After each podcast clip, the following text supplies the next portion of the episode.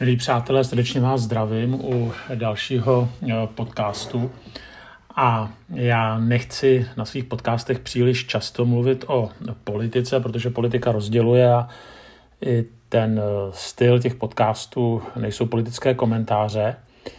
Eh, to, co dneska budu mít, tak trošičku se politiky týkat bude, ale nejenom, protože určité souvislosti mě nahrávají tak jak teda byla vedena ta, ta eh, prezidentská kampaň, tak mě přece jenom nahrávají do ještě jako nějakých širších souvislostí, které se týkají našeho života. A eh, my jsme všichni mohli eh, zažít, že skutečně tahle ta prezidentská kampaň byla hodně vyhrocená, ale pokud si vzpomínáme na ty předešlé dvě, které tedy se týkaly přímé volby prezidenta, tak i ty byly hm, vyhrocené. Zároveň je potřeba také vnímat, že Miloš Zeman poprvé porazil tedy Karla Schwanzenberga, poté eh, profesora Drahoše a ještě byla nepřímná volba, tak proti, eh, proti Klausovi šli eh, Petr Pidhart a Jan Sokol. A já jsem osobně znal Jana Sokola, ne jako bychom byli kamarádi, ale psal jsem u něj diplomovou práci a mohl jsem ho trochu poznat i na některých konferencích. Byl to člověk nesmírně morální, rovný. A možná, že také víte, že jeho manželka tak byla vlastně dcerou toho známého českého filozofa Jana Patočky, který tedy zemřel po jednom výslechu STB. To bylo tenkrát zvláštní, že když se rozhodovalo tedy eh, o tom, eh, kdo bude prezidentem, to ještě bylo v nepřímé volbě, tak eh, Václav Klaus neváhal a šel prosit o hlasy komunisty. Bylo to i tedy za Jana Sokola, i během té volby Petra Pidharta. A nikdo neví, co jim nasliboval, ale každopádně ani Pidhart, ani Sokol touto cestou nešli. Dopadlo to, jak to dopadlo. Měli jsme 10 let eh, eh, Václava Klauze. No a Poté tedy jsme měli dalších dvě volební období eh, Miloše Zemana, který byl tedy zvolen v přímé volbě. A eh, já bych tady chtěl ukázat eh, na takový silný moment z těch posledních třech prezidentských přímých voleb, které vlastně byly, ten moment byl vlastně vždycky stejný. A byla to naprosto brutální manipulace skrze strach. Před deseti lety uh, Miloš Zeman vsadil na tzv. sudeckou eh, kartu, spojil to taky s Karlem Schwarzenegger a uh, vlastně vytáhl argument, že sudetáci se vrátí do pohraničí pro svůj majetek a seberou to tam těm nebohým Čechům. Samozřejmě byl to argument zcela iracionální, zlý, hloupý. Samozřejmě to nebylo v možnostech ani sudeckých Němců, a vůbec Němců. Ale ten, ta sázka prostě na strach, na sudeťáky, na, na Němce, tak probudila toho skrytého démona a skutečně to zafungovalo. Dopadlo to tak, jak to dopadlo. Před eh, pěti lety eh, tady zase bylo vsazeno na strach z migrantů eh, a opět tenkrát tedy probíhaly ty velké migrační vlny. Zeman svými, svými billboardy, tak vytvořil tedy pocit, že Drahoš sem zatáhne migranty, zase vytvořilo to určitý strach a dopadlo to tak, jak to dopadlo. A nyní tedy jsme byli svědky zase dalším strašením a to bylo strachem před zatažením do války. Zase byl to argument celá iracionální, tisíckrát se omíralo, že prezident nemůže vyhlásit eh, válku nebo prostě nemá tady pravomoce, aby eh, tady nás mohl zatáhnout do války, už jenom protože nejsme prezidentský systém.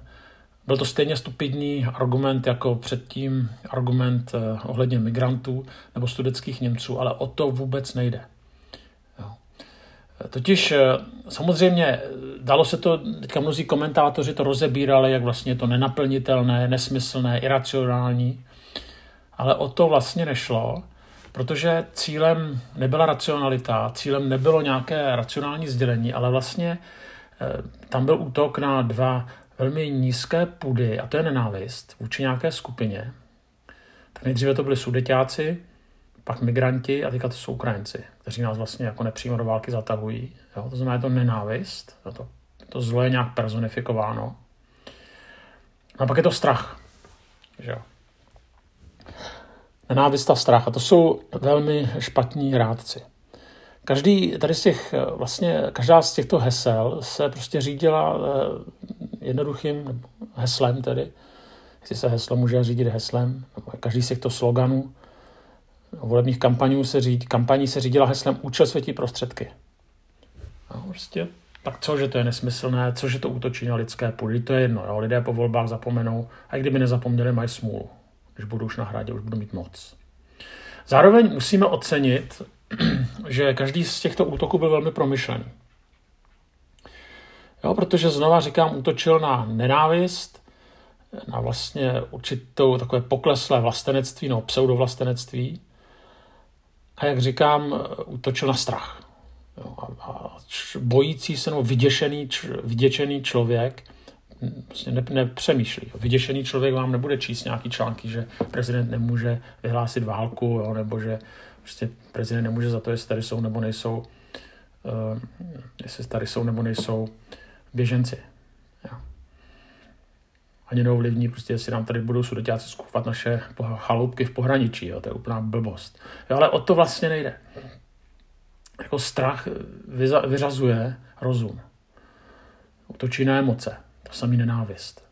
Takže vlastně ta, ta vlastně genialita, je toho blbý to říkat takhle vozlu, ale ta genialita byla vlastně v tom, že útočila na nejnižší lidské pudy, které když se dokáží teda rozpumpovat, tak dokáží potom dělat paseku.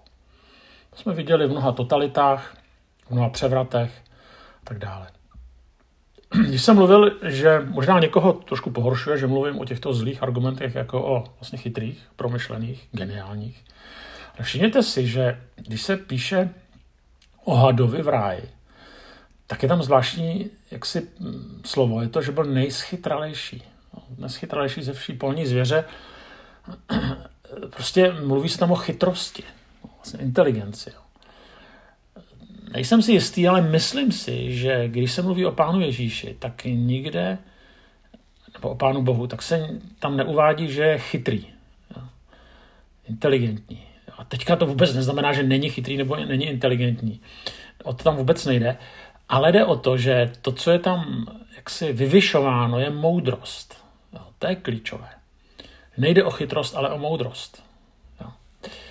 Eh, o hadovi nebo o ďáblovi se nikde nepíše, že je moudrý, ale že je z nejschytralejší. A o Bohu, o Pánu Ježíši, naopak se píše, že je moudrý. Co víme, že ďábel je chytrý, není moudrý.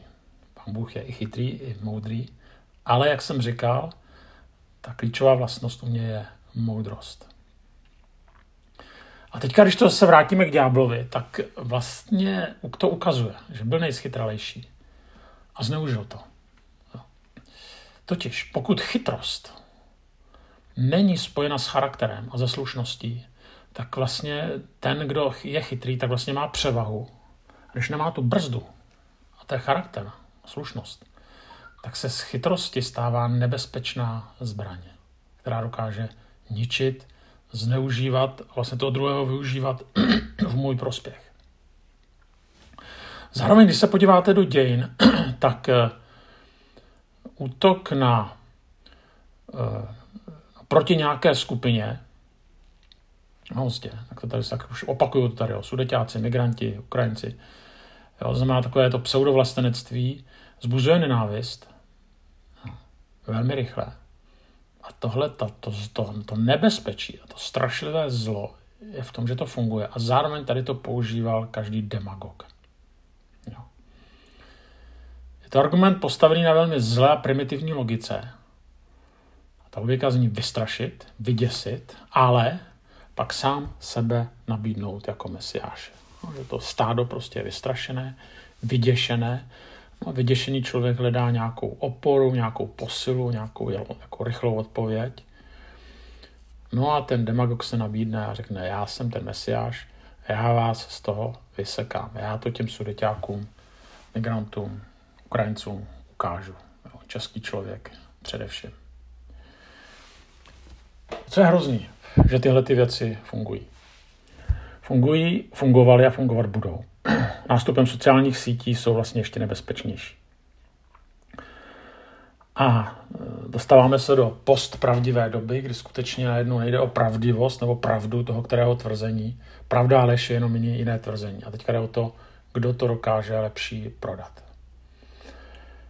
A ano, fungovalo to, ale doufáme, že tentokrát e, to nezafunguje. Takže budete poslouchat tenhle ten podcast, mnozí z vás, tak už bude po volbách, tak si to sami nějakým způsobem e, přeberte. Jenom chci říct, že tady to má, je to velmi nebezpečné a my jsme teďka v přímém přenosu mohli prostě vidět, jak eh, se skutečně někteří marketéři, eh, ale ti kandidáti vlastně nezastaví vůbec před ničím.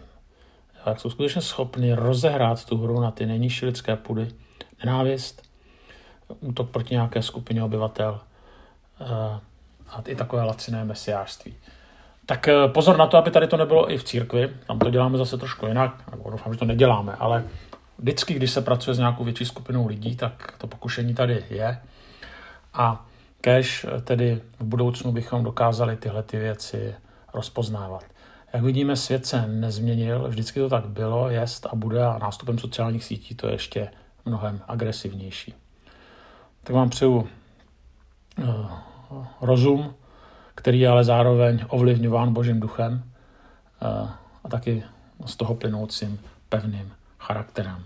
Abychom se nenechali zmanipulovat nejenom ohledně politiky, ale ani v jiných věcech. Možná i proto, že jsme poznali toho skutečného mesiáše.